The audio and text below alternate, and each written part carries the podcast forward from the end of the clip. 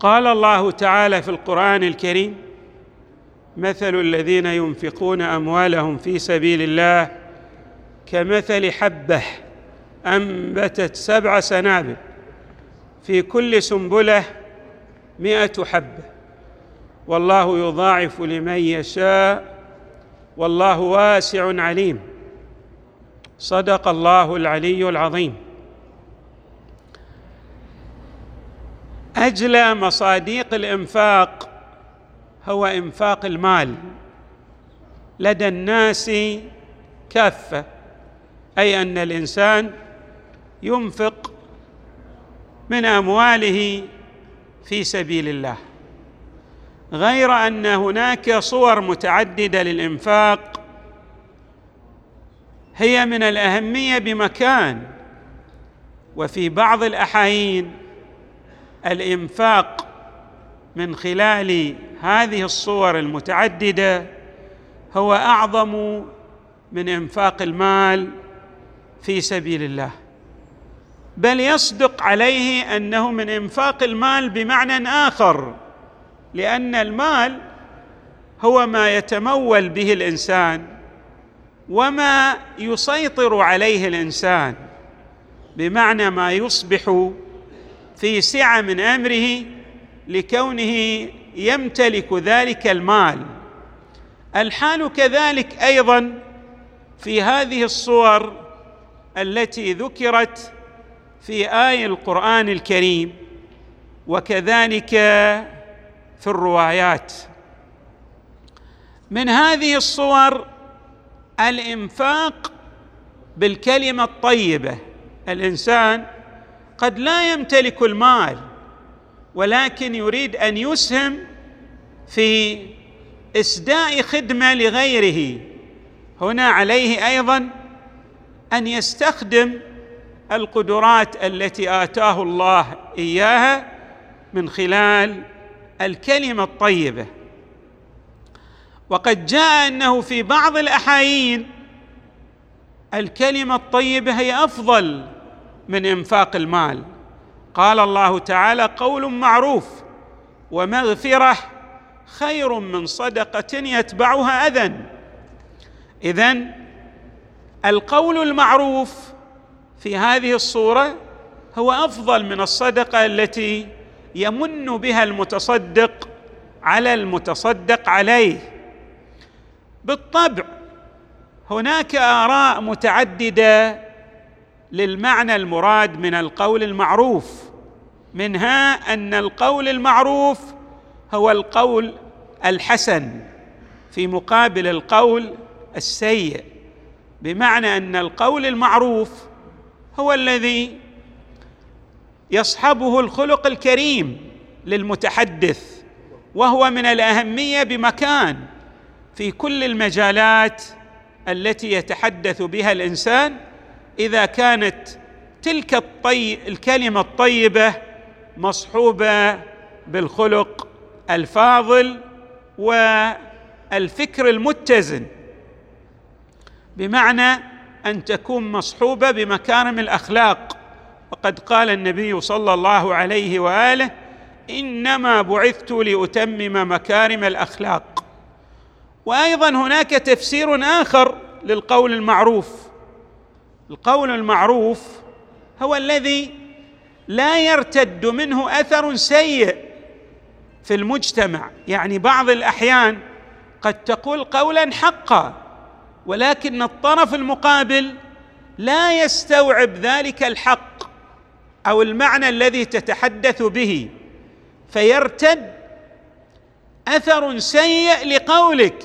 من هنا عليك أن تعرف كيف تحدث الناس على مستوى ما يفقهونه من معارف؟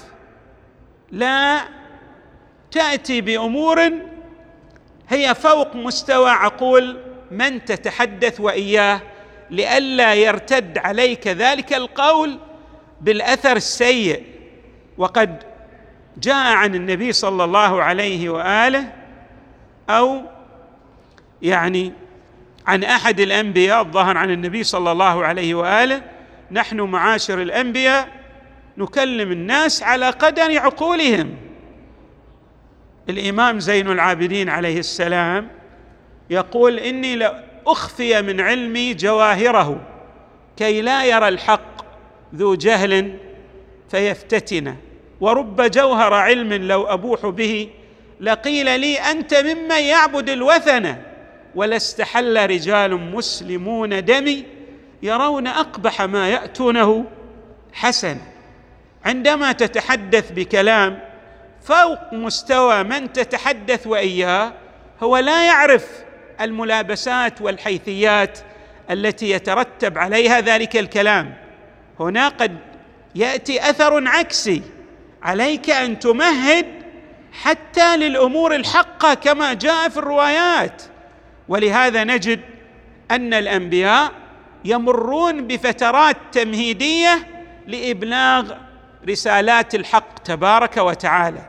اذا القول المعروف هو الذي يتناسب مع الوضع الاجتماعي الذي تكون آه تريد أن ترفع من مستواه. تتحدث وإياه يعني بنحو يتناسب مع إدراكاته لترفع من مستواه قليلا قليلا.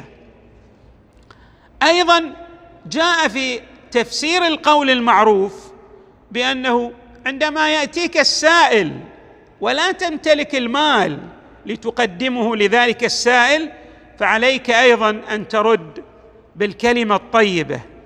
هنا نجد انماطا متعددة للكلمة الطيبة ولها الأثر الجميل والحسن.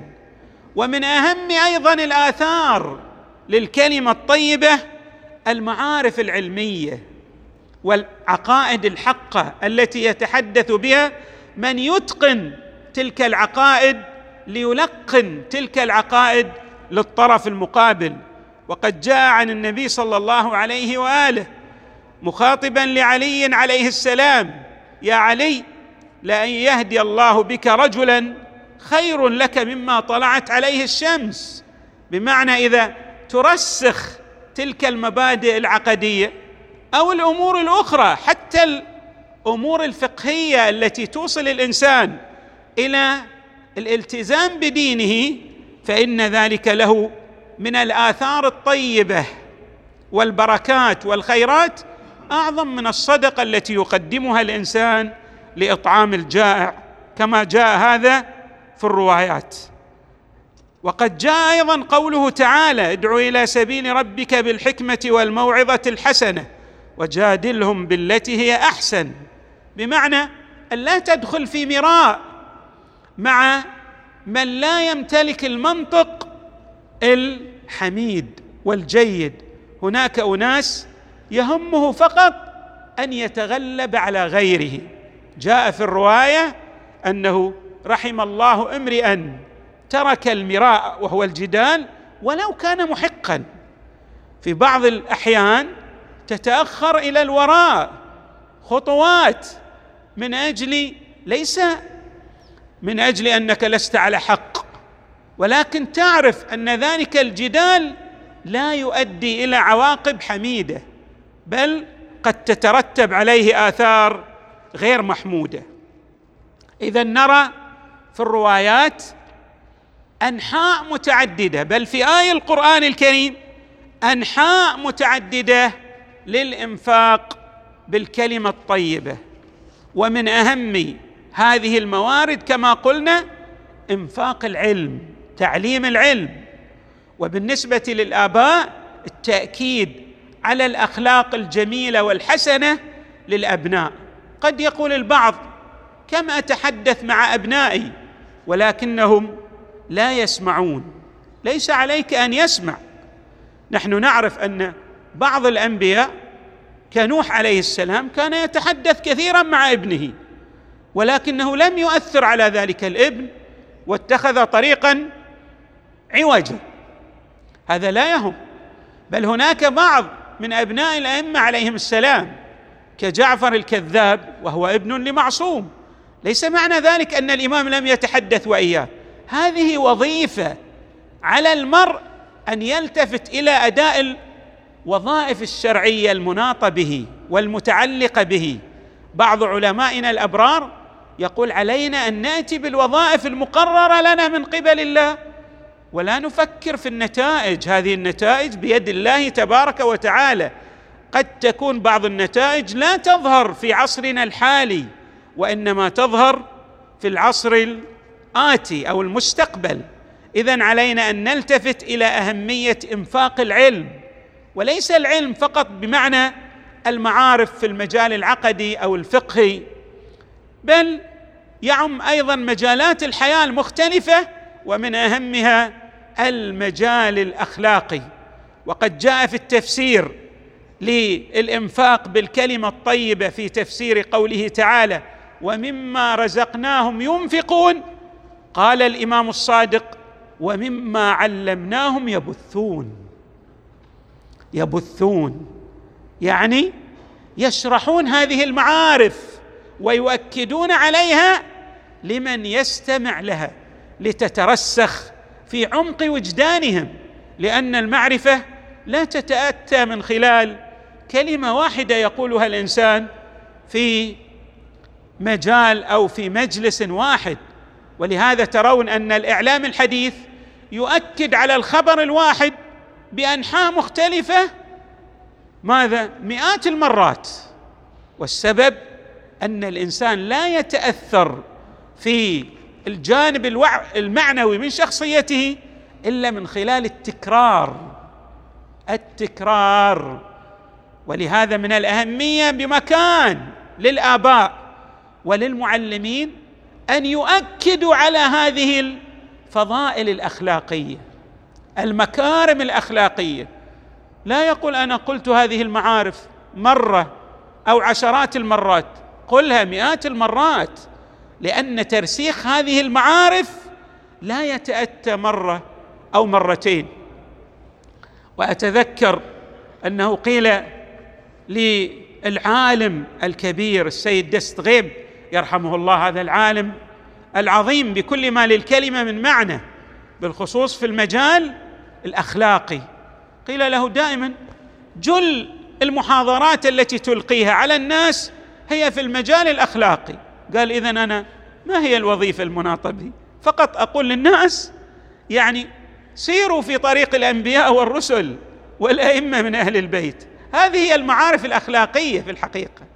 حتى المجال العقدي والفقهي يدخل في المجال الأخلاقي بالمعنى العام. لأنك عندما تريد أن تجعل الإنسان سائرا على جادة الصواب والصراط المستقيم فهذه هي الأخلاق يعني أن يتقن الجانب العقدي وأن يلتزم بالجانب الفقهي فيصبح سائرا في جادة الصواب. وورد عن النبي صلى الله عليه وآله في هذا المجال من علم علما فله أجره وأجر من عمل به إلى يوم القيامة. قد تقول كلمة طيبة في يوم ما فيعمل بها هذا الشخص أيضا وينقلها إلى أشخاص آخرين ويأتيك من الثواب ما لا يعلم به إلا الله. وأيضا جاء عنه صلى الله عليه وآله إذا مات الرجل انقطع عمله إلا من ثلاث صدقة جارية وعلم ينتفع به وولد صالح يدعو له يدعو له.